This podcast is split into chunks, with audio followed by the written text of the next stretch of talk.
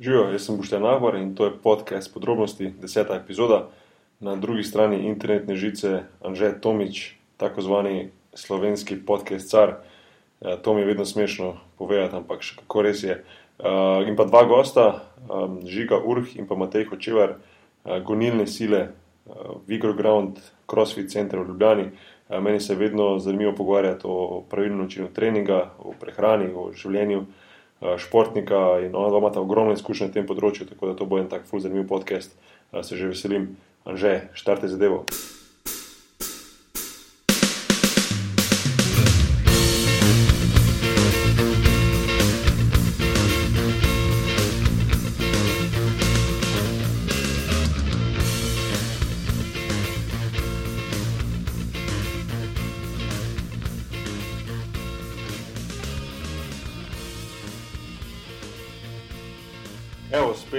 Nova oddaja, podrobnosti. Um, Anže, kje si stari? Evo me, ta je deseta, kaj ju, jubilej. Kako se, ja, vem, kako se temu reče. A je jubilejna. Ja, mislim, da Ja, ne, okrogla, whatever. Pač. Ja, pač desetka, lepa številka. Um, kaj dogaja, povej? Uh, nač, žleda je konc, če smo že spet pri vremenu. Sem te hotel vprašati, kaj je s tem gledom. Ja. A je prav konc, konc, prav zdaj Mislim- več ni snega, ali je v bistvu zdaj kao unoprijetna varianta. Ne, pač v Ljubljani sem, to, to je toplo, da se vse stopi, zdaj pa plundra, pa unomazani kupi snega, so še kje, to je pa to več manj. No, tako je Moskva 8 mesecev na leto, ja, zdaj pa lahko staviš. približno. Bogi breza, pol. ja, tako nekako.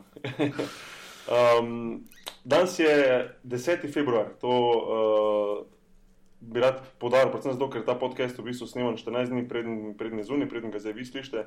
Um, tako da uh, pa zaradi naših res zasedenih urnikov, pa tudi urnikov naših, oziroma najnih današnjih gostov, uh, snemamo malo prej kot ponavadi. Um, kot vedno, zahvala poslušalcem in poslušalkam, um, sploh uh, na zadnji podcast z Sanjem je, bilo, je bil odziv res fantastičen in um, hvala za, za, za vse komentarje, za, za vse retweete, za, za lepe besede. Ful nama veliko pomeni, ker um, enostavno uživamo v tem, ko slišimo, da, da, se, da se ta stvar, stvar tako zelo prijela in da je, um, da je to- poslušana. Jaz sem v bistvu res pozitivno presenečen. Že ti pa itak že tak, uh, pa taka podcast legenda, da tebe nič več ne gane. Ne? ja, nič menega, ja, ki sploh ne bom, ja, ok, povej. Um, no, ampak tako vedno hočem reči, da so dobrodošli um, predlogi um, za, za goste, za, za kakšne teme na oddajah, um, na naš, na naš najn Twitter, um, pa na e-mail. Kateri e-mail že uporabljamo že? Uh, podrobnosti afnaaparatus.si. Um, smo pa tudi na iTunesih, drugač, uh, kjer se ocene, komentarji pridno nabirajo, tako da res full, full hvala, ker nam to res ogromno pomeni. Um, Anže, kje se nas še drugače najde, oziroma uh, kje je doma aparatus?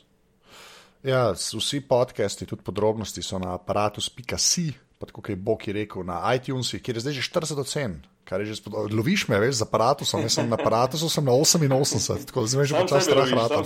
Ja, jaz sam sem. Uh, tako da, ja, uh, drugače pa na aparatusu še par podcastov. Eden je ta moj aparatus, kjer delam uh, uh, intervjuje, potem so glave, kjer se pogovarjamo o filmih, po serijah, pa iglu impro, kjer se trije fanti pogovarjajo o uh, improvizaciji, pa še pivotiranje, kjer uh, se trije pogovarjajo o basketu. Tako da, evo. Ja, pa tudi Facebook. Oh, ga, hvala, še enkrat.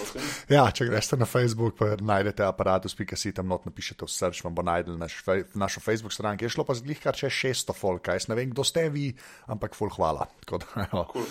No, Anžej mi je tudi pomagal postaviti mojo novo Facebook stran, v bistvu uh, page. ne. Uh, jaz, pa, Ja. jaz pa Facebook smo skrega, ne morem priznati, jaz sem tak anti-Facebook, eh, jaz sem sam Twitter in to je to. In, uh, sem bil čist izgubljen in sploh nisem vedel, kaj se dogaja, kaj je uno, tretje sem tja, tako da mi je zdaj že uspel to malo porihtati in hvala. In, um, a ja, tudi zdaj, ko ta podcast zunaj, bi mogla že nova stran bokinahvar.com uh, delovati sveža nova internetna stran, kjer bojo tudi vse objave, pač, uh, poleg seveda pač, dogodkov v moji karieri, v bistvu veliko bolj pomembne stvari, kar se meni tiče, moj košarkarski kamp, uh, projekt, dobrodelni projekt življenja košarka, uh, tudi novice o tem podkastu, uh, pa še kaj drugega se bo najdlo. Tako da uh, to je to. Um, a sem še kaj takega pozabil? Ne, mislim, da to je bil cel admin skoraj. A ja, pa če imate šanso, lahko aparatus tudi To, podprete. to, to. Ja, in če Povej, greš povej, na povej. aparatus.si slash podpri, lahko tam pomagate vsem, ki tole delamo, vas denar gre potem v nadaljno produkcijo podcastov. Zdaj pa res konc admina. Zdaj pa napovejte dva modela naprej za spita, ki sta jih karjerla. tako da. Ja, um, z nami sta danes uh, Matej Hočevar in pa Žiga Urh. Um, jaz bom potem njemu pustil, da mogoče ona dva bolj specifično poveta, točno kakšno vlogo imata v, v, uh, v Ri- Vigor Groundu, uh, CrossFit centru, ampak jaz njih, če bi jih skupaj ponovil, bi rekel, to sta nekako gonilne sile. Um, a se slišmo, Žiga, Matej? Ja. Oziroma Matej prvo, Matej. Ja, živo, se slišimo. Evo, Ja. žiga, žiga. Smo ok. Tako, kot da se je veš, ono, luna, eh, zemlja. um, jaz, eh, če lahko, če pustite meni, jaz bom kar izvajal na internetne strani, par povzetkov vsakemu od vaju ven zel, pa če sem pol kaj takega pomembnega spustil, um, me kar popravite. Ampak, uh, Matej, ti si začel v nogometu, um, igral si tako v Sloveniji kot v Angliji, bil tudi član angliške študentske reprezentance. Tako je. Um, in, in potem nekako si se pač usmeril v to, v pripravo športnikov, predvsem kot piše nogometašov in tekačev, čeprav normalno tudi z mano si že delal, tako da tudi košarkašov verjamem. Um, uh, se pravi, uh, speciali, specializiran si za, za vadbo, za, funkcional, za, za funkcionalni trening, uh, z rekviziti kot so kettlebelli, proste uteži, medicinke, vrvi in tako naprej. Um, in pa to, ne, si mi na koncu zdi všeč, da piše, lej, prosti, če, pač, sorry, če, če, če, če boš malo za farbo, ampak to piše, verjame, da lahko vsak posameznik, ne glede na starost, spol in težo, s pravim pristopom do vadbe in motiviranostjo doseže svoje cilje in za optimalno telesno pripravljenost prispeva k boljšemu počutju in pozitivni energiji. A te to res dobro piše, Matej? Dobro piše, veš, da mislim, da vse je res. No, jaz lahko to potrdim, ker smo tudi eh, skupaj trenirali, da, eh, oziroma si me treniral in, eh, in definitivno lahko rečem, da, da te besede držijo. Um, žiga, uh, tudi športnik, že vse življenje, um, dolgo časa je igral košarko, um, potem pa se je sme- usmeril v razvoj vadbenega centra Vigor Ground. Uh, 12 let že imaš za sabo funkcionalnega treninga, uh, si, pa, si pa, tudi, pa tudi tekmuješ, ne žiga v crossfitu. Ja, ja, Um, ja, sem tekmoval tudi, ja, tudi v CrossFitu. Tako si tekmoval. Ja. Um, no, uh, zdaj pa še za žigo, da pišeš žiga, pa predan trenerskemu delu in z natančnostjo pri sestavi programov, odločnostjo in spodbujanjem k trdemu delu vadečim pomaga doseči višjo raven funkcionalnih sposobnosti in posledično izboljšati kvaliteto življenja. Pismo, zdaj, ko si ti to prebral, se mi zdi kar zakomplicirano, ampak mislim, da kar drži. Ja. Um, lej, uh, zakaj sem se jaz, ko sem ta podcast nekako začel, če verjamem, pa ne, sem nekako imel že na začetku idejo, um, da vaj povabim na podcast in sem rekel, to je predvsem zato, ker se meni crossfit um, zdi izjemno, izjemno zanimiv način treninga in um, se mi zdi, da bi kar malo delo krivico ostalim, ki mogoče to poslušajo. Pa ki so v športu, v profesionalnem, pa ne, uh, če ne bi izvedeli za to. Ali pa če mogoče že vejo, da ne bi mogoče pa kako stvar uh, več izvedeli. Um, tako da, um, dajte mi mogoče povedati za začetek, kaj je crossfit, oziroma odkje izvira crossfit. Mogoče beseda dve o tem. Uh, to, mogoče kar žiga to prepustil tole vprašanje, ki je mogoče malo bolj. Um, malo več kontakta imel s uh, crossfitom kot jaz. Matej, ne vem, zakaj si sploh v glasu, ampak ja, um, hvala.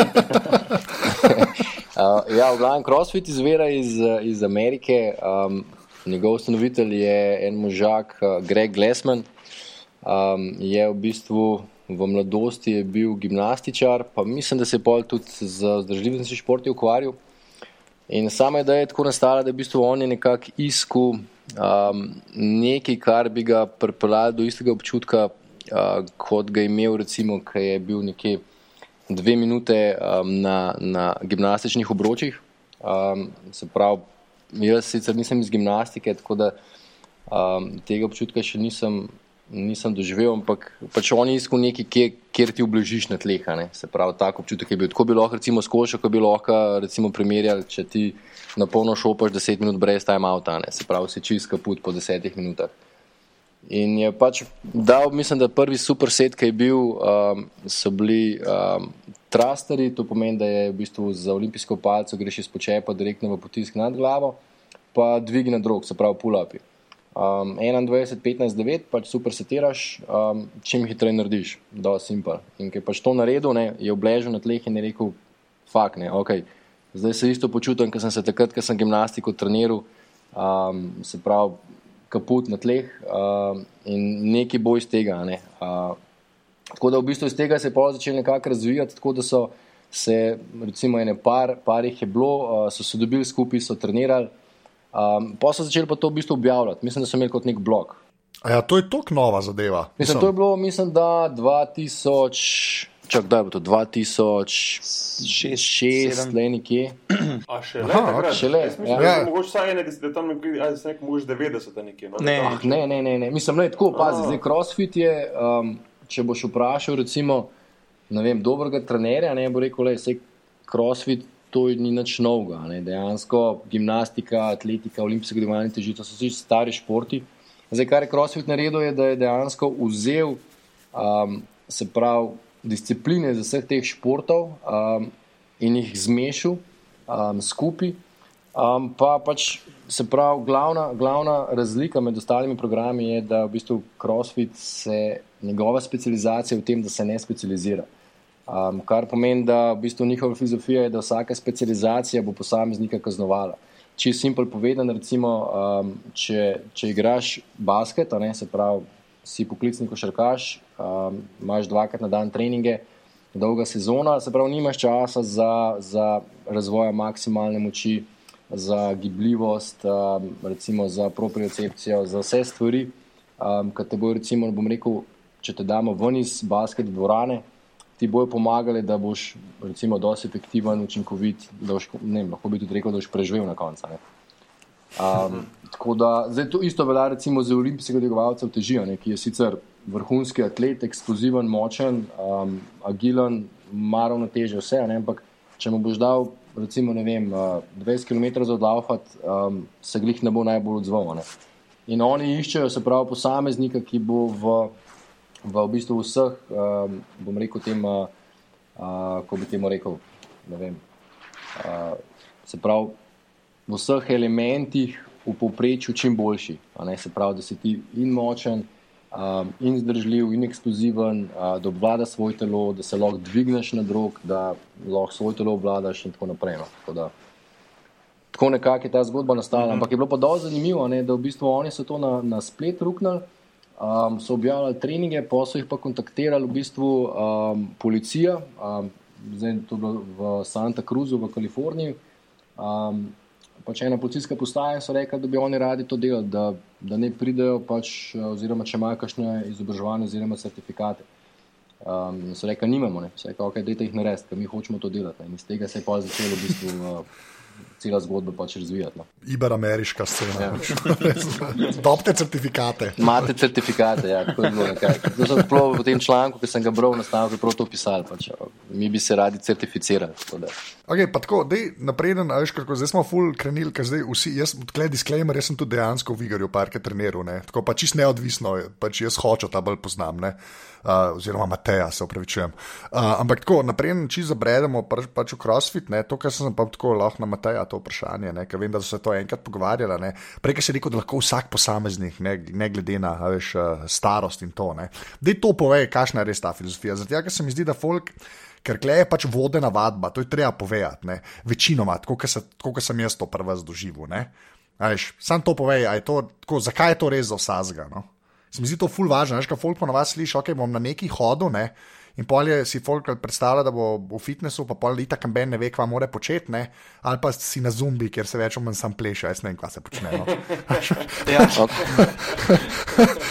Veš, kaj mislim, ker se mi zdi, da mi smo to vsi dali čez, pa jaz nek basket treniran, boki itak, ne, veš, jaz tako dosti športo, ne, mogoče za enega, ki ni, ne, a veš, če bi se tega lotil, zakaj se tega splača lotiti, no, na ta način. Okay, zdaj bom pa jaz sam, sam na hitro letu, pa bom rekel, da mogoče mogo iti Matej Doloh uh, na ta vprašanje odgovoril, ene dva koraka nazaj, pa bo v bistvu našel filozofijo Vigorja, ne, ne crossfit, ampak Vigorja predstavljeno. No, se to, ja, ja. vse to, o tem sem tudi. Mislim, Prej v predstavitvi najo, no, si tudi omenil, se to tudi piše tam na strani. Pač cel življenje smo že v športu. Ne. In um, mislim, z Žigom smo oba relativno mlada, nehala se s športom ukvarjati tako, zdaj pač Profesor. profesionalno, oziroma sva imela pač ambicije, naj, kot ima vsak uh, mlad športnik, ne, da bo ne, dosegla vrhunc uh, v, v svojem športu. Ne. Pa smo pa, recimo, ne vem, dosti zgodaj videli, da bo mogoče ne bo čist, čist do vrha prišla.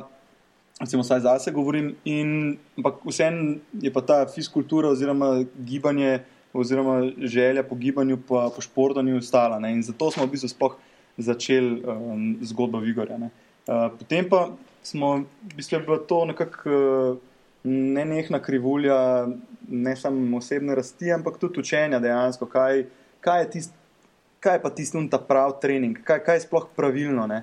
In uh, tako, kot si, Anžek, kot so menili, zdaj pač vsak let imamo nove trende, nekaj novega se pojavlja, uh, obljubljajo nam, vem, da bomo, če se bomo lotili treninga nečesa, da bomo pa zdaj vem, najbolj izklesani, najbolj zdravi, ne vem, ne vem kaj vse. Ne. Ja.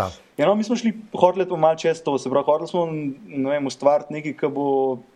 Zdržal, ko bo zdržalo to, ta test časa. Ne? Se pravi, da dejansko Eh, ljudem damo nekaj, kar jih bo vodil cel življenje. Ne? In to pomeni, da, da bomo delali na elementih, ki v bistvu so bili pomembni tudi takrat, ko smo bili otroci. Se pravi, da uvedemo in vedno uh, v treningu imamo element igre, ne? se pravi, da ljudje ne samo, da pridejo neki. Mislim, kvihtati, pa, pa teč, pa tako naprej, ampak dejansko, da, da grejo nazaj, mislim, kot na igrišče, ki so bili mulci. Uh, in s tem uh, v mislih pa smo seveda komponirali določene elemente, kot so pač gibljivost, moč, hitrost, vzdržljivost. Ne se to najdeš načeloma, um, mogoče tudi v določenih športih, pa drugih oblikah vadbe, ampak spravo, ta filozofija nas je uh, vodila v bistvu nekako, uh, da hočemo iti ne, nazaj k naravi, nazaj v, bistvu v tistem um, primarnem gibanju. No danes govorijo uh, v angliško govorečem svetu, skozi tem primal, ne, uh, ta beseda uh, nekako izhaja v bistvu iz uh, pradavnine, ne, se pravi, kako so se gibali ljudje, preden so imeli stole, pa avte, pa kolesa, pa tako naprej. Ne. Uh, in iz tukaj nekako izhajamo, ne, zdaj določene stvari. Verjamemo, da bi lahko vsak človek uh, znal delati, ne se pravi, ne vem, splezati na drevo, splezati po špagi, dvigati se na drog, uh, vršten objekt, se pravi skalo, žogo, ni važen, um, plazati se po vseh štirih potleh, uh, šprintati, skakati, uh, dvigati neki glavo in tako naprej. Ne. Mate, pozabo si pač tisto osnovo počepant, da se lahko usereš dobro. To, točno to, točno to. uh, ker, pa, ker pa sploh izvajamo v igri vsak dan. Ne. Pa čisto by the way, ne, pač osnovna vaja, ki začnemo pač z vsemi novo vodečimi, je počep in tukaj ima ljudje največ problemov. Ja, v, bistvu, v bistvu prva stvar, ki je, ki vidimo, uh, pač opažamo pa vse minjene trende ljudi, ki pridejo noter, so pač kot spreomenil. Zdaj imamo, seveda, treniramo tudi vrhunske športnike. Bok je eden izmed njih, tudi smo ga imeli možnost uh, trenirati. Uh, to z velikim veseljem. Zdaj se lahko biti pri vas, tako rečemo. Reč, no, pa vendar le, mislim, da pač to nam je res, mislim, uh, meni pa žiga, tu sem pripričan, saj za se govorim. Pač meni je bilo to vedno pol tista kot nagrada, ne vem, z poklicnimi športniki delati. Zato sem tudi uh, se tako navdušen nad tem zadnje čase, ampak uh, dobimo pa načeloma ljudi, ki pridejo pač. Uh, ki sedijo 8 do 10 ali pa celo več ur za mizo in direkt v, v gim, in potem hočejo zdaj vidijo te, uh, mogoče uh, ostale ljudi na polno intenzivno trenirajo, oni bi tudi radi nekaj podobnega, sam neki na hartne. Um, mi jih pa nekako na začetku pelemo nazaj, ne, tisto o, osnovno aktivnost, kot je žiga rekel, počep čisto enostavno. Ajde, zdaj pa da te vidimo, kako greš v počep, navaden, brez kakšnih koli težin. Moram reči, da večina ima s tem velike težave. No. Um, da... ne, sej, če, če te samo na sekundu prekinem, to, to, to se čisto strinjam in to mi je težave, recimo, s tem. Ja, Veš, pa se bo smešno slišati, da je to športnik. Vem, lej, Uh, zelo velike probleme s tem, da naredim pravi, pravi počep, da recimo obdržiš pete na tleh. Točno to. Dvigne, recimo, te, mislim, zaradi, nema, to zaradi uh, zakrknenih tetiv mi dvigne takoj pete. Ja, to je zaradi primer, specifike športa, ne? se pravi, ker si ja, pač ja, veš, ja. konstantno v preži, uh, pač samo določene mišice uporabljaš, pred dolgoročno do, do neravnovesja v telesu in, in je to to. Ne? Dolgoročno pa to pomeni, da vem, poškodba je lahko zelo hitra, ne? sploh mm -hmm. starejši, ki smo težje. Normalno, normalno. Pa... Matej, prosti, sem te prekinil. Ne, sem eh, tako ne, nekako tole rdeče, da sem zapeljen do konca. Uh, se pravi, uh, zdaj smo pa nekako v, v fazi, kjer smo razvili en celovit sistem treninga, kjer mislimo, da lahko vsak, ki pride v žim, Eh, zdaj, razen, seveda, vsak športnik bo, mislim, bo potreboval in zahteval specifično obravnavo, se pravi, seveda je trening za, za poklicne športnike drugačen, kot saj v določenih elementih, kot za splošno prebivalstvo. Ne. Ampak načeloma pa vsak, ki pride k nam v Džim, bo, bo podvržen podobnim testom na začetku, podobnim gibom, se pravi, kot vsi ostali. In tudi v bistvu način treninga je razvit nekako tako. Ne, da, zdaj, končni cilj je tak, da v bistvu vsi treniramo po istem principu. Zdaj, vsak bom seveda mogoče z malo drugačno težo delu, uh, malo mogoče z drugačno de, intenzivnosti, ampak uh, načeloma, kot sem prej omenil, ne, te gibe, o katerih sem govoril, ki so nekako osnova, ki izhajajo iz naših naravnih potreb, je, mislim, to bomo delali vsi. Ne. Eh, in to nam je zelo pomembno, v bistvu, da se ne omejujemo niti na urodja, um, niti na mislim, rekel, eno, eno samo metodologijo treninga, ki jih obstaja nešteto, ne? um, ampak eh, da se držimo tudi te filozofije. No? Um, da... no, zdaj, zdaj, recimo, če govorimo specifično o košarki. Ne? Um, Pa da ne bom jaz to razlagal, da ta video razložiti en, en, en, uh, en tak primer treninga, da bi prišel zdaj nekdo, ki se ukvarja s košarko, recimo, ali, ali profesionalec, pa nek, recimo, polprofesionalec, en, ki pač ne bom rekel, da je enkrat na mesec za košarko, ampak nekdo, ki je košarki, recimo, in bi prišel recimo, do, do Vigor Ground uh, uh, pač centra, ne bom rekel, da je to prvi trening, ampak recimo en tak povprečen trening za košarkaša, kako bi to izgledalo. Zato, ker se mi zdi to predvsej pomembno, da ljudje razumejo, da mi tu ne govorimo o nekem klasičnem fitnessu. Ne? Zato, ker Uh, recimo, moje, iz mojih izkušenj, ne, če primerjam fitness eh, v pro-basketu pro zdaj, pa recimo 10-15 eh, let nazaj. 10-15 let nazaj so nas spustili noter v fitness, kjerkoli že to bilo, uh, zdaj pa gremo, uh, a veš, uh, na vse možne trenažerje, nabijaj kvadriceps, nabijaj zadnjo ložo, delaj počepe, ki so bili tako katastrofalni, kar se tehnike tiče, uh, delaj bench, uh, pa pa ne reče 10 poskokov, zdaj pa na igrišče. Uh, Medtem ko se je zdaj toliko spremenila ta, ta, uh, ta filozofija, Uh, pa se mi zdi, da predvsem zaradi tega uh, um, vpliva crossfit treninga, oziroma pač to, kar imate vi na košarko in obratno. Uh, se mi zdi, da so zadeve veliko bolj specifične in pa veliko bolj, kot ste že prej rekli, besedo funkcionalna vadba, da je bolj prirejena tistim gibom, ki jih imaš res v košarki. Ne? Uh, lahko mogoče malo povete, kako bi recimo en košarkaš oddelal en trening pri vas? Ne? Okay, se pravi, nekdo, ki, ki, ki bi prišel, se pravi, z. z brez, brez... Da, da, da, že da že brez poškodb, da je že pripravljen, da je pač recimo ima neko, neko normalno, poprečno pripravljenost. Ne, uh, recimo okay. pred sezono treninga, da veš tisto, da pač prideš, ne, da malo se gre telo oziroma se pripravi na sezono. Ne. Zdaj, prva stvar je, sigurno naredimo, imamo tudi razvit v bistvu en tak funkcionalni pregled, ki skozi določene uh, vaje um, vidimo, a je recimo z nekom kaj, kaj narobe, oziroma um, a je kakšna simetrija noter, kjer je mišice skrajšane. Um, kako je z gibljivostjo. Se pravi, to, to je v bistvu tista podlaga, ker na podlagi tega zdaj jaz lahko kot trener vem, um, kje je vaje, sploh pa kje bom začel ne, lahko delati. Ker nima smisla, recimo, da nekoga mu daš prezahtevne vaje ali pa ga preobremeniš, če nimaš, uh, bom rekel, čistih osnov, kaj pa to, da lahko ti, bom rekel, neutralno pozicijo trupa držiš skozi vse gibe, ki jih delaš. Um, ker to lahko dolgoročno, oziroma že kratkoročno, pride samo do uh, neželenega učinka oziroma um, poškodbe. Ne. In prva stvar, ki na treningu, ne mi kot trenerji si zadamo, je, da pač ne smemo narediti nič slabega, oziroma da ne pride do poškodbe. Sploh v primeru športnikov, ne? ker poškodbe se dogajajo pol v športu, na igrišču, na tekmah. Buh ne da ne, ampak pač ne na treningu. In zdaj na podlagi tega, ne, pa pač druga stvar, ki bi jaz mogel vedeti, je, koliko časa imamo. Zdaj, če je to en teden, ne v enem tednu gremo ponovadi mislim, nekaj lahko narediš, ampak ne glih, glih ne vem kaj. Tako da ne tri tedne je fajn minimalno um, si vzeti tega, da lahko pač nekako naredimo en cikl. Um, bi pa pač na, naš, ne spet odvisno od posameznika, ampak večinoma um, športniki rabijo sploh v off-seasonu uh, delati na, na se pravi, gibljivosti, stabilizaciji pa na moči. Um, vse ostalo, ne, potem sploh če imamo krajše obdobje, je, je že tako in tako delo specifično na samem treningu. Če, recimo, ne, zdaj, zdaj primer pri nas, ne, nekdo, če bi bil recimo tri tedne pri nas, a, bi dal se pravi moč, gibljivost, stabilizacija. Um, nekaj malega, potem tudi na eksplozivnosti, uh, ampak to bi bil v bistvu tisti temelj. Zato, ker takoj, ko greš ti potem recimo basket igrati, imaš poskoke, imaš eksplozivne gibe, imaš uh, levo, desno, lateralne gibe in tako naprej. Ne. Recimo, vključili bi tudi veliko vaj z, na, na, na eni nogi, ne, zaradi same specifike športa.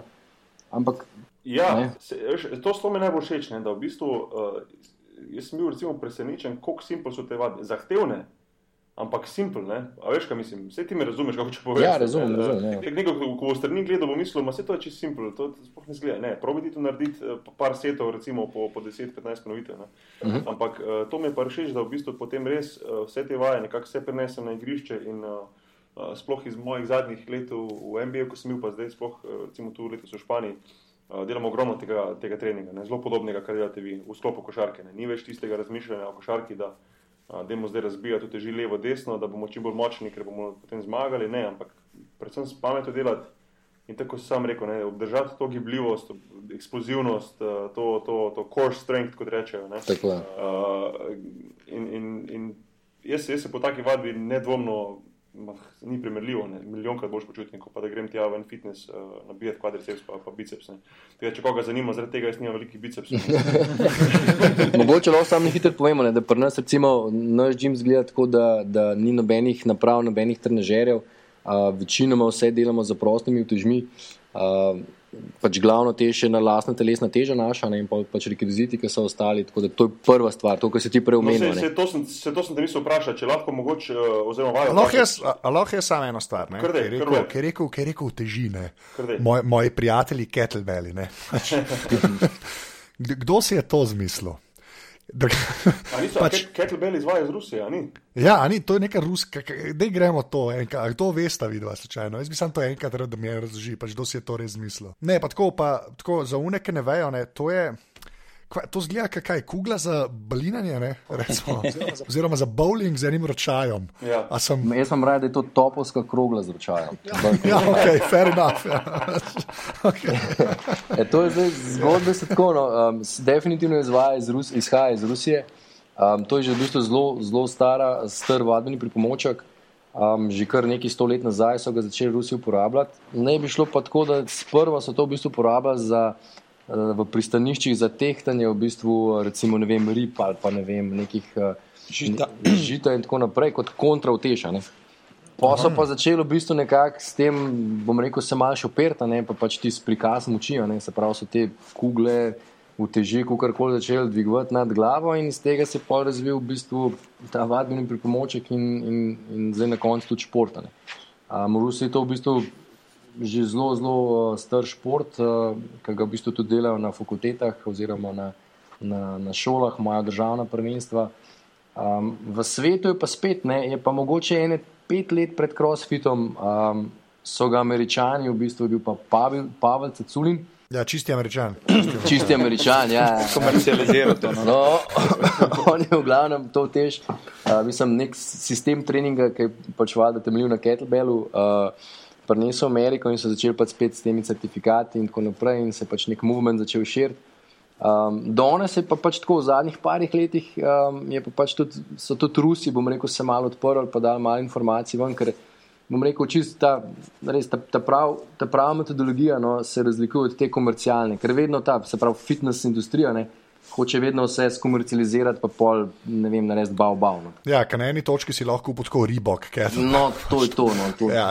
Vse A, pove, veš, ne. uh, Anže, veš kaj Joe Rogan?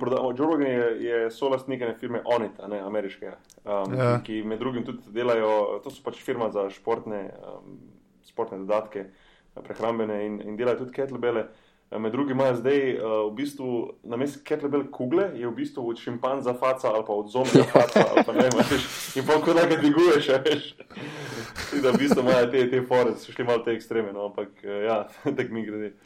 Um, Veš kaj mi poveš, žiga, prej sem te, prej sem te prekinil. Uh, za, jaz sem bil poleti, uh, sicer še ni bil končan, ampak ta vaš nov Vigor Ground center v Ljubljani, zgleda pa, moram reči, sem bil že v marsikaterem fitnessu, je pa res nekaj, nekaj posebnega. No. Ni fitnessov, prosti, no. ampak veš kaj mislim, kot športni center. Res Ja, ja, ja, izstopa. Telovadnica, in- telovadnica. Ja, telovadnica. Dajte narediti en, en tak opis uh, uh, tega Vigor Ground centra, kaj tam je zdaj, um, kaj še mogoče bo, kaj še ni dokončano, kaj si želite tam narediti. Ker je ta stvar res uno, ko stopiš noter, pravi kot športnik, rečeš, wow, mislim, to pa je nekaj že drugačnega. Ne? Že umgole grafit na steni gor, pa se to ti da feeling, da si res nekam prišel. No. Dajte mogoče malo. Vse bomo mi to vse polinkali, pa bo na netu za videti, ampak vseeno iz vajnih ust, da slišimo. Ja, to je zdaj lokacija na, na Tržaški v Ljubljani, ima vse skupaj 1050 kvadratov. Uh, od tega imamo 450 kvadratov, je vadbeni center, se pravi, ta glavni gim. Pa imamo še 100 kvadratov, imamo um, se pravi posebej še en manjši gim. Uh, Notro imamo tudi uh, ordinacijo, kjer imamo um, osteopata, fizioterapeuta, masaže, um, športna trgovina, um, en mehen barček, uh, pa lounge za sestce. Uh, tako da to je tako nekako na hiter povedan. Uh, zdaj, namen tega je bil, zdaj, zakaj smo v bistvu šli v to. No, tudi Matej prej razlagal vse te, te naše filozofije. Ne. Mi smo prišli pač do težave, da v, v Ljubljani, pa nasplošno recimo v Sloveniji, pa vem, v bližnji okolici že širše. Vem, pet let nazaj dejansko nisi imel kje trenirati. Ne. Sploh takrat, ko smo mi začeli. Ne. Jaz sem šel lahko samo fitness, pa sem tam vsi čudni gledali, kako teži po tleh mečem, pa ne vem, pač treniramo. Um, tako da smo hoteli ustvariti v bistvu eno okolje, ne, um, kjer kjer bo lahko v bistvu, vem, vsak posameznik uh, maksimalno sebe uh, potegnil, um, seveda z našo pomočjo. Ne, se pravi, mi se tudi naš cilj, da se pač skozi uh, izpopolnjujemo naše znanje, naše storitve. Um, skozi se mali gramo s tem, kako v bistvu približati tudi ta način naše vadbe uh, širši populaciji. Um, Zato imamo pač tudi različne programe, različne oblike treninga, od večjih, manjših skupin do semi-privat treningov. Um, Tako da ne vem, zdaj mogoče nisem kam zašel, okay, da mi še kaj vprašaj, Boki. No. bi jaz mogoče še dodal uh, nekaj, mislim, da ta Jim smo v bistvu um, tudi naredili na koncu koncu, zato da bo to eno, v bistvu, en center za testiranje na, uh, mislim, na samih, pa na naše filozofije, našega pristopa do treningov. Uh, zdaj zadnje čase pa vedno bolj tudi uh, gremo v to smer, da da smo en, uh, en center za eksperimentacijo z, pač, z športniki. Ne? In uh, končen cilj je, da bomo tukaj izvajali razne funkcionalne teste tudi z profesionalnimi športniki. Uh, tudi zdaj, pač v kratkem, se še nekaj časa prizadevamo, da bomo uh, en del džima pokrili z umetno travo, kjer se bodo dali uh, delati uh, razni sprinti. Um, in mogoče malo bolj na takem nivoju. No. Uh, potem pa tudi uh, druge, mogoče kakšne rekvizite, ker bomo uh, lahko športnikom ponudili pač uh, en nivo višji, no, kar se tiče uh, dojstvovanja, pa da vidijo dejansko, kje so, no, uh, kar se tiče svojih fizičnih sposobnosti. Okay, dej, gre, se jaz bi se sam še mal vrnil na navadne smrtnike, ne? kamor jaz mal bolj spadam, če smo še iskreni. Kam spadaš? Okay, pravi, na meni bi pa tako, no, mogoče zgraditi tiste naše telovance ali pa recimo enega crossfit boxa, športni center. Ne. Kar pomeni, da navadni smrtnik, ne, če prideš, uh, imamo pač seveda ne, različne, različne programe. Vedno začneš z individualnim pristopom, um, se pravi, ena na ena s trenerjem, uh, da se pač pogovorimo o ciljih, željah, da mi vidimo v bistvu, kakšno je tvoje začetno fizično stanje. Zato imamo pač tudi pol drugi nivoje, ker smo v fizičnem stanju, imamo ordinacijo. Zaprav, smo mogli, mogli nekoga pač noter potegniti, ker populacija danes je, pač vsi imajo neke poškodbe. Um, in zdaj pač mi smo trenerji, sprav rabili smo še nekoga iz področja fizioterapije, ki lahko pač dejansko oceni um, pa naredi um, pregled telesa. Um, se pravi, to pomeni vse, recimo, ali so to recimo, ne, težave, sklepi, stare poškodbe, operacije, um, asimetrije. In zdaj na podlagi tega, ne, prvi cilj je, ne, da pač vsazga, ne glede na to, je prav športnik ali pa smrtnika, ne, navaden, da ga spravimo v bistvu na točko nič, če bi jaz temu rekel. Ne. Se pravi, da te sestavimo skupaj. Se pravi, če ti stojiš, ne, da imaš telesno držo v, v, v ne, se pravi, perfekt, ne, neutrali, da ne vem, kaj počepneš, da se lahko normalno počepneš, da narediš en pull-up in tako naprej. In iz tle naprej pa pol pač lahko štartamo. Se pravi, ima zdaj pač trdne temelje in tem lahko mi začnemo res nekaj graditi in dolgoročno zgraditi. Ker pač cilj je, da, da recimo nekdo bo lahko, ko bo pri nas, ne, ne da je danes full fit, pa, pa ne vem, ne vem koliko dvigne, ampak da bo lahko tudi pri 60, 70 še vedno sam zase skrbel, še vedno igral tenis, še vedno igral basket, šel ven, se igral z unuki in tako naprej. Um, tako da v bistvu imamo mogoče malo težave ne, um, s tem, da nas doskrat ljudje, da se kar nekako bojijo. Ne, ker prijo v naš center, ne, veš, Bog ti si rekel, wow, hodo, ne, ampak ti si ja, športnik. Ja, res, ne, ker je res, ogro, mislim, ker je to ena tako ogromna hala. Ne, to je v bistvu en tako ogromen prostor, ki za enega, ki je, ki je navaden samo uh, tistih klasičnih fitnesov v manjših prostorih, ki imajo 20-30 trenažerjev, to je v bistvu en ogromen prostor. Ne, in, in, in si kar predstavljam za nekoga, ki tega ne pozna, da reče. Fak, kam sem zdaj prišel, kaj bodo to naredili? Ja, ja. Ogromno enih, enih, enih teh kettlebellov, teh, eh, teh, teh štanga, razumeš. Uh, Tako se reče, sam v bistvu tekaške proge, oziroma te dolžine, ki jih pač šprintaš, boksi, kamor se skače. Ja, pa vne špage, dolžine. Ja, ja, tiste špage. Ja. Mislim, zelo drugače, zelo, zelo precej drugače gleda kot pa en tisti klasičen fitness iz 90-ih. Ja, sigurno. Ja, ja se tako na prvi pogled, ko že rekel, k, mogoče kdo, ki prije noter, pa vidi, mislim, da ne vem, tam včasih 30-40 ljudi naenkrat tako na polno trenira, so ti prv, pr, prva reakcija, mogoče res ti smo, wow, fuck, mogoče pa. Fuf, to pa mogoče malo hardcore preveč za me. Ampak pol ugotovijo, no, ko pridejo v, pač v ta osebni stik z nami, nekaj jih damo skozi ta osnovni pregled, pa to, pa ki jim dejansko jih naučimo gibati, ne, oziroma da vidijo, da so fully sposobni. Mislim, razen tega, da imajo vsak res ponovadi kakšne uh, gibalne omejitve, pa stare poškodbe, pa, pa tako naprej. Da v bistvu vsi delamo isti, po istem principu, zdaj pač seveda, nekdo, ki je tam že dve leti, uh, hvala Bogu, ne, je že zelo napreden. Um, poleg tega je pa nam ful pomemben, da Eh, ljudem damo, doskrat, mislim, tisto, kar potrebujejo, tisto, kar rabijo, ne tisto, kar hočejo. Imáš ljudi, ki pridejo noter, pa jaz pa bi to, jaz pa bi to. Ne? Pa, mislim, en izmed eh, naših mislim, glavnih principov je tako, da tudi izobražujemo naše stranke. Se pravi, da jim, da jim razložimo, zakaj delamo določene stvari, ne?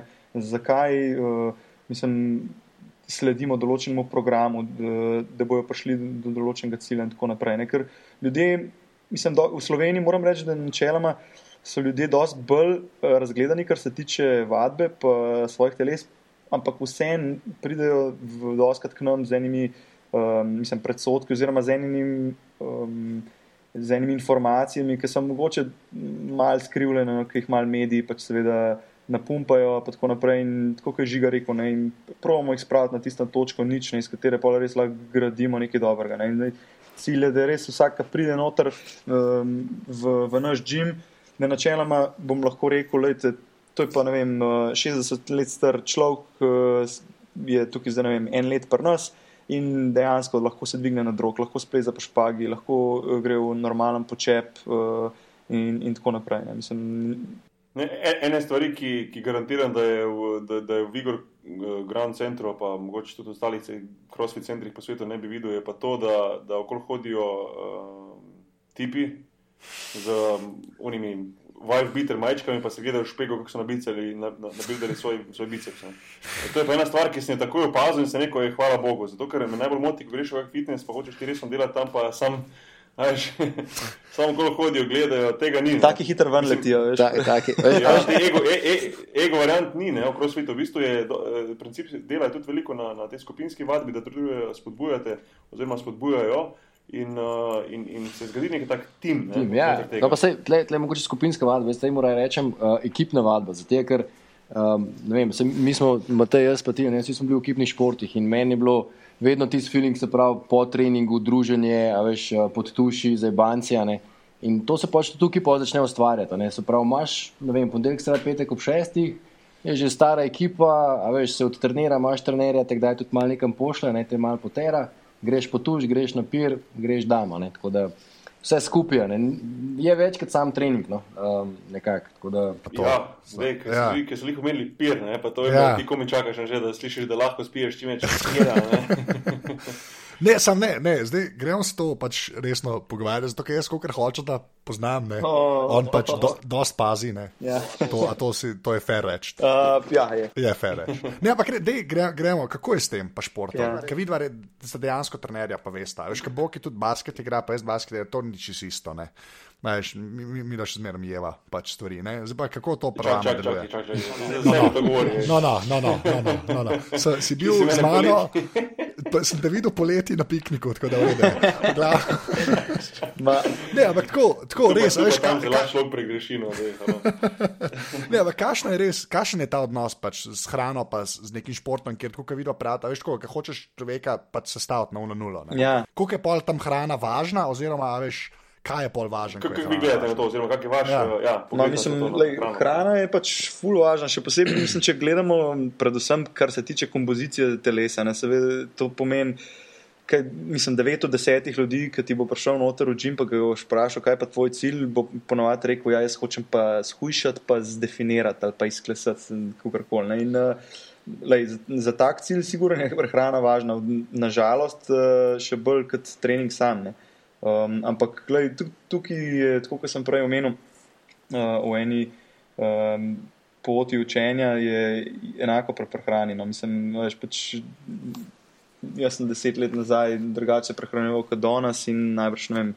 Sem čez pet let spet malce drugačen, ampak eh, dejansko mislim, predvsem verjamem v to, da m, pri hrani bi mogli, oziroma pri prehrani bi mogli takoj uh, umakniti besedo dieta, ne, ker eh, to pač um, se mi zdi. Ja, ja. ne, mislim pač to, s, s, Ne, tem, s to je tem, res, se, to ful, s tem se res. ful omejujemo. Ne, a veš, in uh, zdaj, um, mislim, spet so tukaj, a veš, obstajajo neki trendi, zdaj v povezavi s crossfitom je ful. Uh, Popularna ta paleo dieta, oziroma način prehranjevanja, in No, tako no, naprej. to, ne. ala, ala, se, za- se sekundo tu ustavimo te, pri tej pale dieti. Zato, ker sem se že ne, uh, za ne par ljudmi sem se pogovarjal malo pale dieti, ja, pa ne, pa ja, pa tudi ameriške te ne podcaste sem poslušal. Uh, mislim, ta, te so že, to so že bolj ekstremi, ali ne, recimo ta paleo dieta. Ma veš kaj, to ima tudi različne, mislim, fulejnih različic, a veš, ne, in uh, jaz, mislim, jaz pravim, boj se vsakega, ki ti hoče nekaj prodati, tako, a veš, mislim, to je pa edina, ne, pazi, to je edina, Ne, to je- to je edina ja. stvar, ki, mislim, zdaj, ki je zdaj kul cool in, in nič drugega mislim, ni dobro. Lej, ti moraš vedeti, da pač te zagovorniki, pač, lej, danes pač smo v e- 21. stoletju in pač jemo druge stvari, kot, uh, kot smo jih, vem, pred 50-100 tisoč let nazaj. Ne? Zato, ker pač eh, danes noben več ne gre v gost po svojo hrano in noben več, eh, mislim, redko kdo, redko kdo Ja. izmed nas, ki živimo v mestu, gre ven pa za kole, ne vem, tam uh, divjega Ja, prašiča. dobiš svež- sveže meso. Tako, Ja, ali pa tako ja. naprej. No, Tako da Mhm, to mhm. zdaj. mm, Pustimo, ne. Zdaj, jaz mislim, da pač, lej, če bi se mogel skoncentrirati sam, oziroma se osredotočiti na par teh um, v bistvu pomembnih uh, sestavin prehranjevanja, je to, da pač jemo uh, to, kar nam je lokalno dostopno, to, kar je sezonsko, um, čim manj obdelano, uh, in pa seveda pač ve, večini, uh, večini pač primankuje uh, beljakovin v prehrani in pa seveda jejo veliko preveč uh, cukra in pa uh, procesirane hrane, bele moke in tako naprej. In to seveda, to, sem, to so ene. Mislim, zakonitosti, ki sigurno držijo, če, če se boš temu izogibal, boš sigurno bolj zdrav. Uh, zdaj pa, da bi pa zagovarjal samo to, se pravi, da uh, teh zr, zrna oziroma uh, to, kar je pridelano dejansko ne, na, ne vem, na poljih, pa to ja ali ne, ne se pravi, ali bom jedel samo zelenjavo, pa meso, pa, pa ja, jagodičev je, ne, to pa mislim. Ja. Se mi zdi, a veš, še posebej, polk si športnik, ne, mislim, da ni dobro preveč podlež temu, zato ker um, športniki predvsem potrebujejo veliko več, pa mislim, drugačna hranila, pa predvsem širok uh, nabor hranil, kot mislim, pa nekako uh, običajna populacija. Ne. No, ampak tu si omenil, recimo, sladkor, ne mi je padlo ven, ko si rekel. Ne? Jaz mislim, da se danes vse premalo zavedamo, koliko sladkorja mi pojemo. Ne? Ah, Ogromen, ogromen, mislim pa. To, to je neverjetno. Recimo, že, že v eni Coca-Coli, kot res vem, sem prebral že neparka, da je, pa ne, da, ne, da res ne pijem jaz Coca-Cola, oziroma je zelo redko, pa tudi verjamem, da, da tudi vidno ne, ker pač ne spada nekako v stil zdravega življenja, da bi zdaj non-stop Coca-Cola cepil. ne. Jaz za ne, samo rečem. za- Samo dobro. rečem. Za primerjavo, ne, eh, mislim, da ima nekaj deset žličk sladkorja, ne, ena, ena pločevinka Coca-Cola noter. Ne. Ja, mislim, take stvari, veš, ki si omenil, ne pred. Vse čajne žličke. Ja. Ja, te, žličke, ja. ja, Ja. te mislim, gazirane pijače nasploh, ne, se mi zdi, so pač eno, ena taka kamuflaža, ne, se- seveda, mislim, marketing eh, naredi svoje, ne, in to pol vse zgleda nekako, veš, osvežujoče, pa zdravo, pa tako naprej, ne, sem, ne kar pač se pijače ti, tiče, je dejansko tukaj voda, voda in še enkrat voda, ne, sej, ok, Ja, imamo, točno tako. imamo pol seveda čaj, pa, pa tako naprej, ne vem, jaz, dobro, Jaz sem recimo ve- velik ljubitelj kave, pa brez tega tudi zelo težko. ne, Um, ampak eh, kar se tiče pač mm, tekočin, pa to, kar damo vase, le voda in še enkrat voda, no, bi tako rekel. No, No. no, ampak tudi recimo pri pregaziranih itak, ne, se ve, da, da se boje to, pa to, pa to. Ampak se bojim, da mislim, opažam, zdaj ko sem začel malo več brati te, te napise na, na pijačah, pa ko berem malo po, po internetu. pa. Recimo, že, a veš, včasih si vzel orange juice, pa si rekel, ok, svi meni orange juice, pa je bilo kul. Cool, že, že, že te dodatke, ali pa ice tea, pa te stvari, ko so vse živoče, ko paše poletje, ne, ampak to ima toliko sladkorja, da na koncu res vprašaš, da res najbolj špiče, ne vem, vodo, doma narejeno limonado, pa doma stisnem si ven pomarančni sok, pa konc.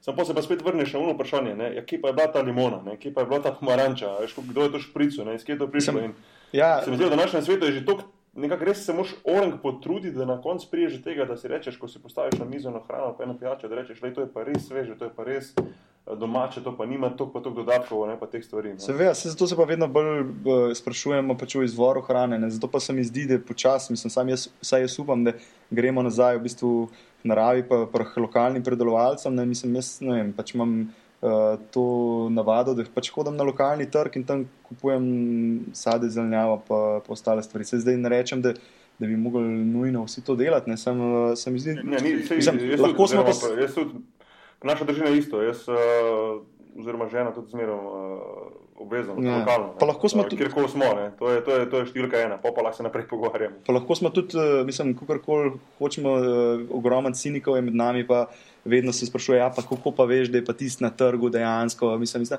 lej, lahko, lahko si rečeš, mislim, da ni, lahko si rečeš, da ja, pač jaz mislim, da je dosti večja verjetnost, da je, še posebej pri, unih uh, kmetovalcih, ki imajo pač certifikate. Zdaj, ne vem, žal ne moramo, nimamo časa, da bi preverjali vse informacije in moraš nekako uh, zaupati uh, določenim ljudem. Ne.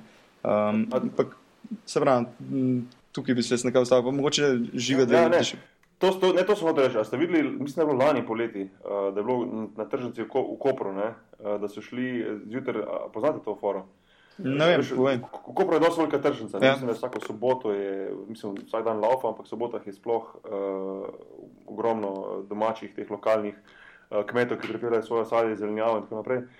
Uh, zelo lepo sadje, mislim, res se da dobiti odlične stvari. In so, in so šli, mislim, da, je- da ne bom komu delo krivico, mogoče bi RTV Slovenija ali pa TV, ena od teh uh, naših televizij. Uh, so pa šli zjutraj um, v zasedo, ne, v Trst, v, v, mislim, pristanišče v Trst, in so šli čakati, če bo katero od teh uh, kmetovalcev, uh, ki, ki govorijo, da uh, imajo svoje doma predelano, zjutraj utrgano, ne, sveže, um, so šli, so šli v zasedo in je bilo kar nekaj uh, teh, uh, teh ljudi, ki so bili v bistvu v 3-4 zjutraj v Trstu. Na bas ali tam le pripeljano iz, vem, iz Afrike ali pa iz, iz juga Italije, um, robo, na bas ali v avto, odpeljali v tržnico v Koper, dali gor tablo sveže in domače. Ne. Ja, ja, mislim, Ja. Um, veš, in Posebej pa vprašaš, ne, če že tukaj so take stvari, ne, pa, pa res na koncu, tako si prej rekel, najboljš, najboljš imeti svoje doma, um, svoj vrtiček, imeti uh, svoje jagode, svoje, svoje salato, svoje stvari, pa, pa kada se ti mesa zlušta, pa iti v sosednji gost, pa malo mal pogledati, kaj dogaja. Ne. Mislim, lej, mislim, končno je tako. Jaz sune ljudi, od katerih kupujem na trgu, dejansko zdaj že osebno poznam. Sem eh, dejansko bil že na večini teh kmetij in pač nekako, mislim, pač zaupam. Ne. Zdaj, seveda, ne, zdaj sem pa prepričan, nažalost, da je veliko ljudi, mislim, ki pa tudi izkorišča določene stvari. Ne. Ampak se pravi, zdaj biti cinik je mogoče najlažje, pa žiga tudi mogoče Ja. že pusto. Jaz mislim, tle, da, da danes, nažalost, ne, edina stvar, ki nam pomaga, so um, izobrazba in informacije. Ne. Um, pa korektne informacije. Ne. Se pravi, če, če sem jaz izobražen, ne, da vem, kaj, kaj kupujemo, ne, pa kaj se kako pridela, pa tako naprej. Pa da poznam ali pač v zadje, pa da vem, da se lahko v trstu dobi, pa da preverjam recimo ne, določene kmetije. Ne. To je tisto, kar recimo lahko jaz naredim zase, da, da pa na koncu rečem, ok, zdaj imam pa res na krožniku nekaj, Ker mislim, da ni, ni, ni nič tazga, ne? se pravi, da lahko normalno pojem, pa zaužijem. ne. Ja, ja, Ja. Sam to je ful tako dobro slišati, ker je bolj tak umirjen approach. Ne, pa, Ja. A veš, tako, zdaj pa urehe je preč drugega. Ne, Ne, sem, tako- ne, to, to, to jaz, jaz to rečem pol za ebanci, da pa hočeš, da sem videl pred zebal. Ampak tako, pač hočem samo reči, veš, dosti dos folka ima pa točno ta feeling. Ne? A Veš, ka, veš, ko to je bilo tako, kot je bilo pri vegetarijancih na začetku, ko so bili oni militantni vegetarijanci. Ne? Ja, ja. A veš, In se mi zdi, da vsakeč, ko ta nek nov trend pride, ne, se pojavlja neka grupa ljudi, ki je pol čist preveč militantna okoli teh zadev. To so veš. Drugače- fanatiki. Ja, več ja, ali manj. se- ne. To, to, to jaz tudi ne morem tega. Ne? Ampak uh, bom, bom pa tako rekel, glede vegetarijanstva. ne. Uh, pač, uh, pri, nas, uh, pri nas doma zelo malo jemo mesa, oziroma ga jem samo jaz, uh, pa, pa ta starejša ščirka. Um, žena je, pač je, je vegetarijanka, ta mala je še premala, da bi lahko. Uh, Vedela, kaj je. No, ja. Je žena povedala, kaj je. Ne? ja, tako nekako. Ampak um, hočem povedati, da, da sem recimo, zelo malo jemal mesa, oziroma zelo redko. Uh, in, in na začetku sem precej jamral, tudi vmes mi zelo, zelo kdaj zapaše, prav zlušta se mi tako reče, ampak na splošno. Pa moram reči, da ko jem zelenjavo, pa sadje, da se pa fantastično počutim. No. Kadar jem, oziroma izdelke iz tega, oziroma hrano iz tega ven speljano. Um, Vse to je, samo to je ful tudi zmeraj od človeka odvisno. Ja, Ja, to, ja, ja, mene, ja. ja. Zato je meni kul cool to, kar sta ona dva rekla. Ne, da, ni, da pač to je res tako, pač treba vedeti stvari, pa delati tako, ker nekako te podgovarja. Veš, tu, no, To pa najbolj važno. To pa je najbolj Ja. važno. Da na koncu res delaš po feelingu, da v bistvu tisto, ko se sam najbolj počutiš, da je to ta pravo. Ne. Zato, kar ne pomeni, da treba iti v fast food jesti vsak večer, ker tudi to paše. Ne, sam, veš, uh, govorimo tu, pa govorimo o športu, pa o zdravem načinu življenja. Ne. Ja, Uh, to le, je. glede hrane bi sem še eno vprašal, kaj, stvar, kaj pa recimo dodatki k hrani, a veš, eh, recimo, ne vem, uh, multivitamini, uh, proteini, te stvari. Ne. Kot športnik nekako brez tega skoraj težko, težko preživiš, ne. oziroma kot profesionalni športnik. No. Um, Ja, ja, kap- vajni izkušnje s s tem, oziroma kaj vi da svetujete? Ja, jaz prvo kot prvo moram reči, da je full disclosure, ne, da imamo mi pač svojo lastno linijo dodatkov. Uh, tako da pač, um, mislim, da je to treba jasno in glasno povedati. Ne. Um, bo pa na to temo sigurno nekaj povedala. No. Mislim, jaz sam sem, uh, mislim, nekako. Kaj pa vem, ker sem, uh, ker sem se najbolj več s športom ukvarjal, pač ko sem nogomet igral, nekako, ker sem bil na vrhuncu. Kaj, kaj se vem, sem, sem vedno kaj jemal, ampak to je bilo ne, vedno omejeno na nekako, pač, se pravi, proteine, se pravi, sirotka, vaj, um, kakšne aminokisline. Um, mislim, da niti kreatina, mogoče da sem enkrat eno kuro kreatina naredil. Um, pa pač te min minerale, vi- multivitamine in tako naprej. Um, niti me ni nikoli potegnilo, da bi kaj drugega probil, um, mogoče malo tudi iz strahu spoštovanja ali pa tako nekako, ne vem, sem imel preveč rad svoje telo, uh, da bi, da bi probil kaj, ki pač nisem poznal. Um, in tako sem nekako delal vse ta čas. No. Zdaj pač uh, tudi s tem namenom smo tudi uh, in s tem v mislih smo tudi, tudi razvili ta, uh, to lastno blagovno znamko, ki se imenuje Vigor Fuel. Pač zelo omejen nabor produktov, v katerem mi nekako verjamemo, da pomaga za, sprav, za športnike, pa za tiste, ki res veliko treniramo, pa gibamo, um, da bi pa, kako rekel, um, ne vem, ka, na kakšne dodatke prisegel, pa ne. No, pa mogoče žiga lahko tudi pove, ker no, najbrž podobne izkušnje. Ja, mislim, tle se čistinjam. Uh, nekako mi, ki smo, mislim, ena stvar je vedno, da tudi mi, vse, kar delamo, probamo tudi preveriti. Uh, recimo, obstajajo kakšni znanstveni, eh, znanstvene raziskave, nekaj, kar pač lahko utemeljijo. ne. Če že sami ne moremo na, na svojih lastnih telesih sprobati, moramo vsaj to najti, pa predn, recimo, ne vem, sploh komu naprej ponudimo. Ne. Tako da od dodatkov, jaz tako pravim, prva stvar, ki je treba, da, da nekdo mora imeti, moraš imeti najprej osnov, osnovno prehrano pošlihteno. a ne. Um, drugače nima smisla. Recimo dodatki so lahko, pa še enkrat, to so dodatki k prehrani, ne, se to prav niso nadomestila. Um, se, ne, mislim, ker doskrat Ja, se to, ne, to je ful važno reči, Ja. ja. pač, to Ja, ja, To je okay. zelo važno. Ja. ful važno. dodatki ne, um, z- k, k prehrani. In zdaj tukaj je kot športnik, a ne, oziroma kad ti prejš na en nivo, pa če hočeš nekaj več, danes pač po tej konkurenci ali pa kakorkoli um, pač enostavno raboš. Um, tako da za športnike definitivno napitki med treningom, po treningu. Um, Predvsem pa tudi beljakovinski napitki, ker cukra itak vsi, pa ugljikovih hidratov dosti pojemo že s prehrano. ne. Težave imamo pri dodatnem vnosu z beljakovinami oziroma zadostnem vnosu za regeneracijo. ne. Um, pa multivitamini, pa omega-3, recimo, to je, to je neki multivitamini, minerali, pa omega-3, ampak tukaj bi se pa jaz pa ustavil. ne. Um, ker vse ostalo, kar je, dejansko niti nima nekih znanstvenih dokazov, da deluje na regeneracijo. Ne, ker, ker pač folk se mora zavedati, da recimo ti, če že to jemliš, ne bi mogel biti razlog za tega, da izboljšaš proces regeneracije, da lahko naslednji trening še več, pa še boljše odtreniraš. Ne za tega, da boš, ne vem, shujšil, da boš, ne vem, na masi dubu, da boš močnejši, ampak regeneracija je tista. Ne. In to gre pač pol tudi za osnovo, mislim, za dejansko za s tem, kaj ti normalno ješ ne, a, skupaj. Jaz bi rekel, boki sam še eh, tako, če, boš- če hočeš imeti pa ogromen biceps, pa se veš, steroidi in ni druge. Ej, a veš, da sem ja. ja. spet doping. In to je po mojem peti v roku štirih mesecev. In vedno me naj, potek, jaz, jaz po tekmi ful težko grem, uh, grem na WC. Ne morem. Enostavno premalo pijem. A veš, uh, v polčasu nam ne povejo, kdo je na dopingu, jaz v polčasu ponovadi, dost, mislim, včasih grem, včasih ne grem na WC. In se mi zgodi, da po tekmi enostavno ne morem iti. In potem se mi dogaja, da moram dve, tri ure čakati. a Veš, uh, sem, Med Eurobasketom, se mi je zgodilo, da smo imeli tekmo ob ne vem, 9.30 zvečer, končali ob 11.30, jaz sem mislim, da šele ob 3 zjutraj v hotelu, ne? ker ne spustijo te prednji, ne narediš testa. In problem. jaz imam eno vrhunsko, vrhunsko rešitev za te, lepo en espresso, butan, bum, ja, vedno deluje. Pa pa nav zaspal tri To je dni. problem, pa če drugi dan pospet tekmo. a veš. A dobro, ok. Um, ampak ja, strinjam se pa glede tega, ome, preko si rekel, ne, omega-3 uh, multivitamini, um, pf, jaz sploh ne vem, minerale, recimo, um, zelo redko proteine že. Um, to je pa to, to je, to je recimo moja baza. No. Tako je. Um, Mislim, recimo ena stvar je tudi BCA, to je v bistvu uh, Ja. ne, BCA, ki so, so kar fajn za regeneracijo. Um, tako da to je to. No. Mislim, stvar je dosti simpla.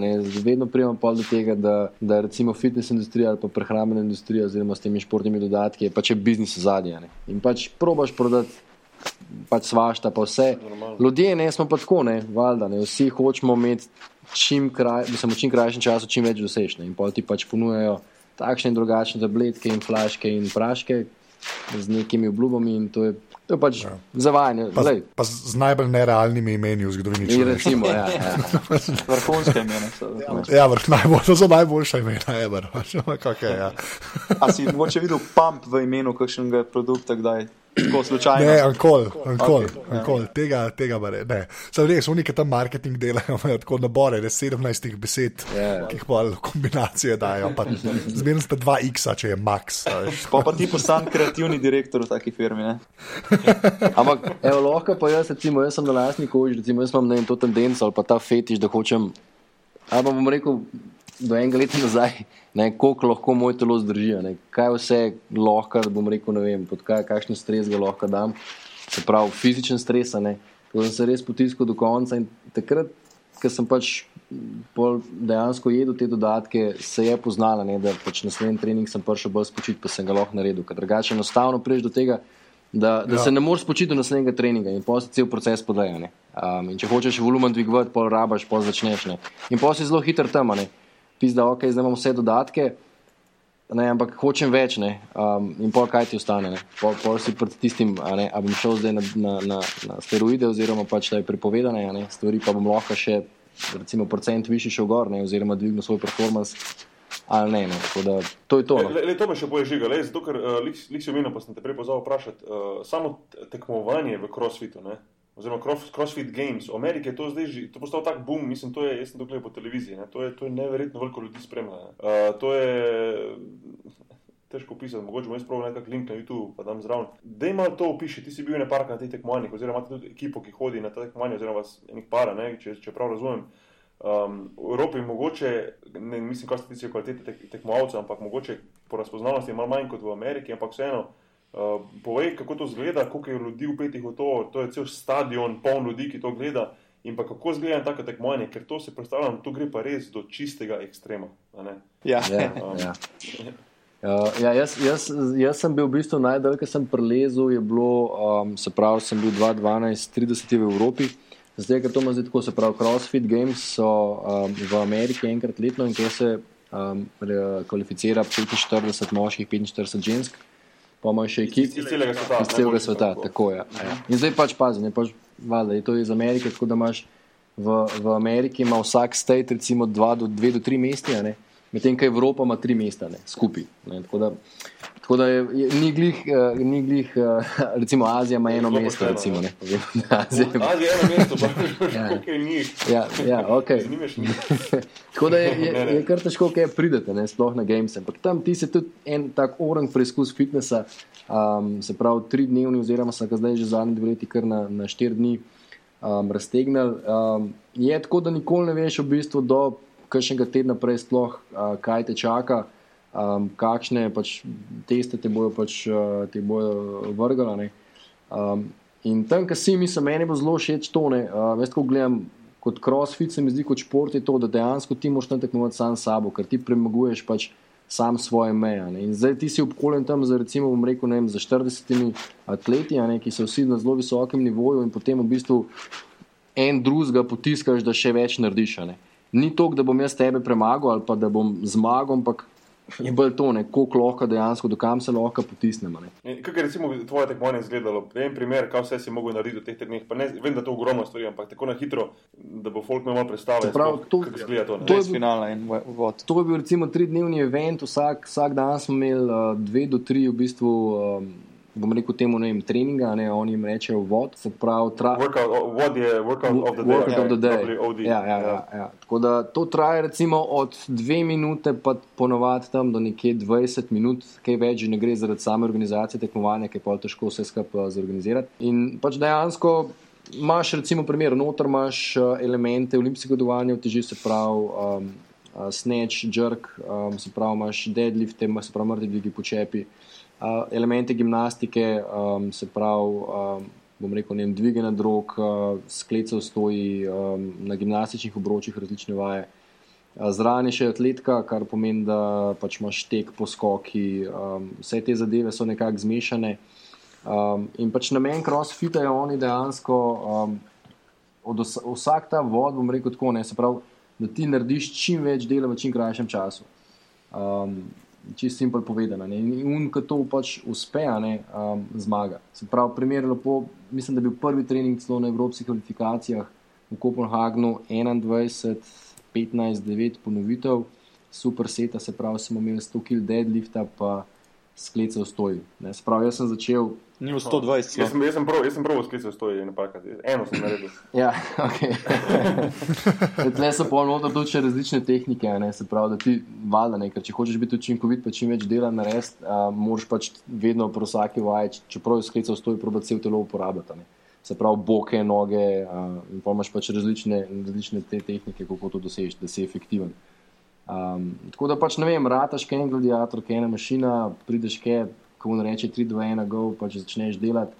Um, moja izkušnja je bila sicer ta, ne, je bilo zanimivo, ker meni je adrenalin tako držal, da, da dejansko nisem čutil utrujenosti, ampak kar nisem mogel več, pač telo ni mogel več. In mi je bilo tako čudo, ne, kaj je z mano, ker dejansko nisem niti zadihan, niti nič. Ne, na treningu recimo, ne vem, veš, dihaš, dol padaš, ti je škola. Tam, tam sem pa hotel še, ampak enostavno nisem mogel, ne vem, niti ne vem, sklece narediti več. Je no, tako zanimiv, zanimiv, zanimiva izkušnja. No.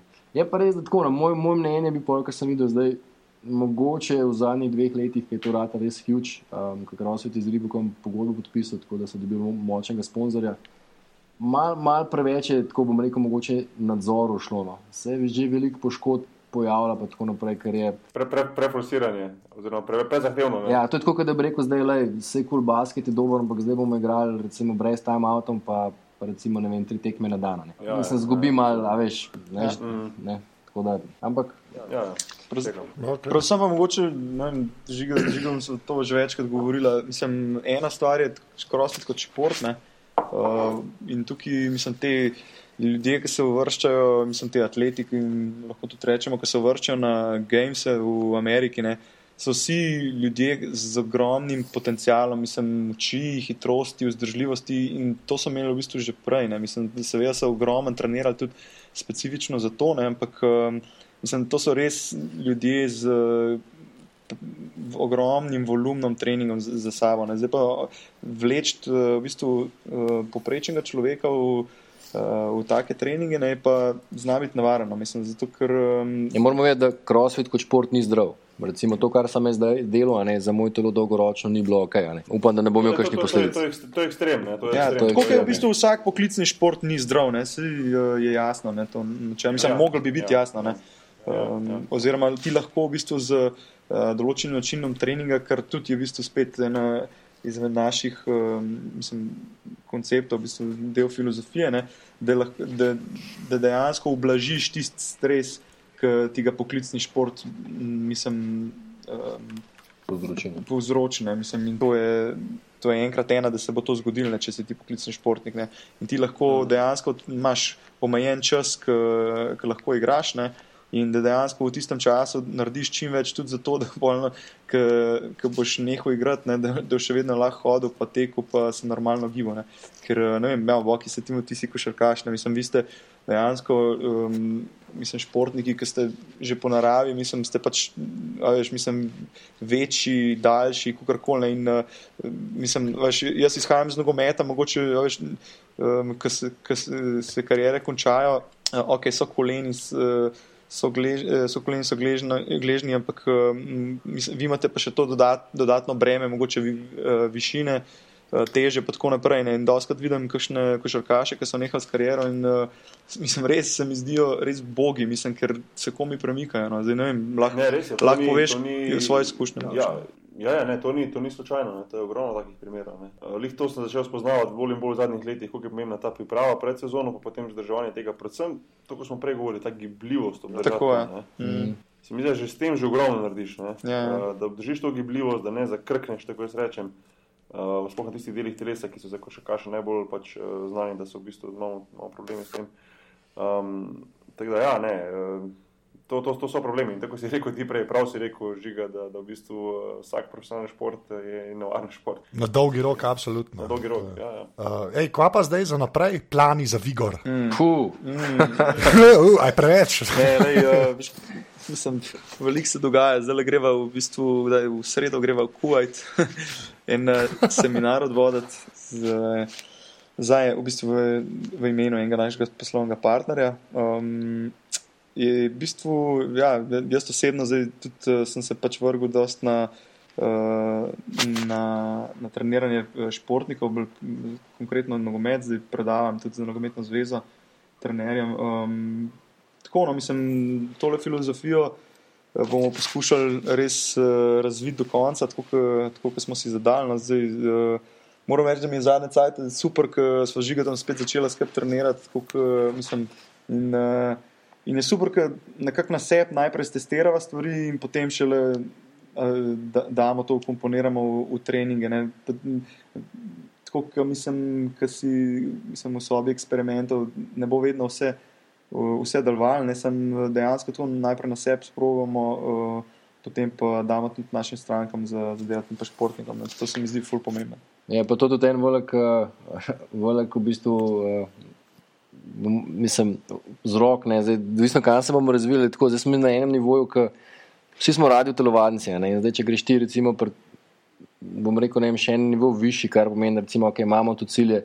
Uh, smo razmišljali, recimo, vem, licenčni, licenčni džimi, uh, franšize, uh, vem, poslovni sistemi, uh, izobraževanje, športna prehrana. Um, ampak to vse zahteva svoj čas, kar pomeni, da te vedno vleče stran od tistega tvojega core biznisa, oziroma tistega, kar res rad delaš. Ne. In mi smo vsi radi telovadci, treniramo ne, in pač treniramo druge in sebe. Tako da bomo videli, no, ampak pač imamo velike cilje. Prva stvar je definitivno Vigor v Ljubljani spraviti na ta nivo, da bo evropsko priznan športni center, kjer se bo vedelo, da je pač strokovnost na zelo visokem nivoju, da, da dobro delamo, da um, pač se nenehno izpopolnjujemo. Um, in uh, pač, ne, pač namen je pač pomagati čim, večjem, čim širšemu krogu ljudi. Um, pa naprej bomo pa videli. No. Um, kaj pa kako, ampak mislim, da bomo tudi pač šli v smer izobraževanja, uh, ker to je en način, kako lahko pol dosežemo še večjo maso ljudi. Um, pač, ker, vem, mi kot trenerji lahko samo to, ker toliko ljudi treniraš. Uh, kar pomeni, da moraš začeti znanje naprej prodajati, ne? da bodo pač tudi drugi lahko neko filozofijo uh, naprej širili oziroma um, trenirali ostale. Da, Imamo tudi, mogoče, rekel, to srečo, pač, da, da, da smo zdaj uspeli v zadnjih eh, letih kar dobro razviti ta brand Vigorja, ki smo prisotni tudi v Združenih državah prek, eh, prek mojega brata, ki ima v Seattlu um, isto Vigor Ground. Tako da, tako kot je Žiga rekel, ne, pač tukaj se povezujemo, en drugemu ponujemo uh, znanje, podporo uh, pri razvoju. In uh, sigurno mislim, bomo šli vsaj delno to, v, v to smer izobraževanja. Pa je e- ena zanimiva stvar, ne, kar mislim, da bi bilo zanimivo za, za, za, uh, za Vajdva. Uh, upam, da bomo hmal imeli eno podružnico Mehanga Vigorja na Kanarskih otokih. Ja. Ne, namen je, se pravi, celo leto je 20 plus stopinj, uh, idealni pogoj za trening. Uh, poleg tega, seveda, ljubitelji vodnih športov uh, pridejo tukaj tudi še dodatno na svoj račun. Uh, tako da je to tudi mogoče ena smer, ki bi se. Kje, kje, podpišem, da lahko? Glej, če sem stal, Čeprav vodim, šport, vodim športov, tisto ne hvala, zato ker moksi psov se teh bojim, da po mojem enega, enega da vidim, se ne več vodil tako do konca življenja. To, to je pa random zanimiv podatek. da sem nekaj novega zvedel. Podrobnosti, sorry. stari.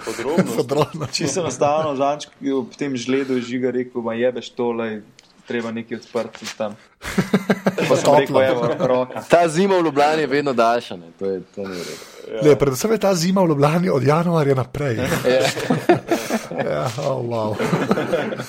Uh, je nič, a gremo na ujer zadeve? Bo, Evo, Ajde, jaz može. imam eno vir zadevo za povedati.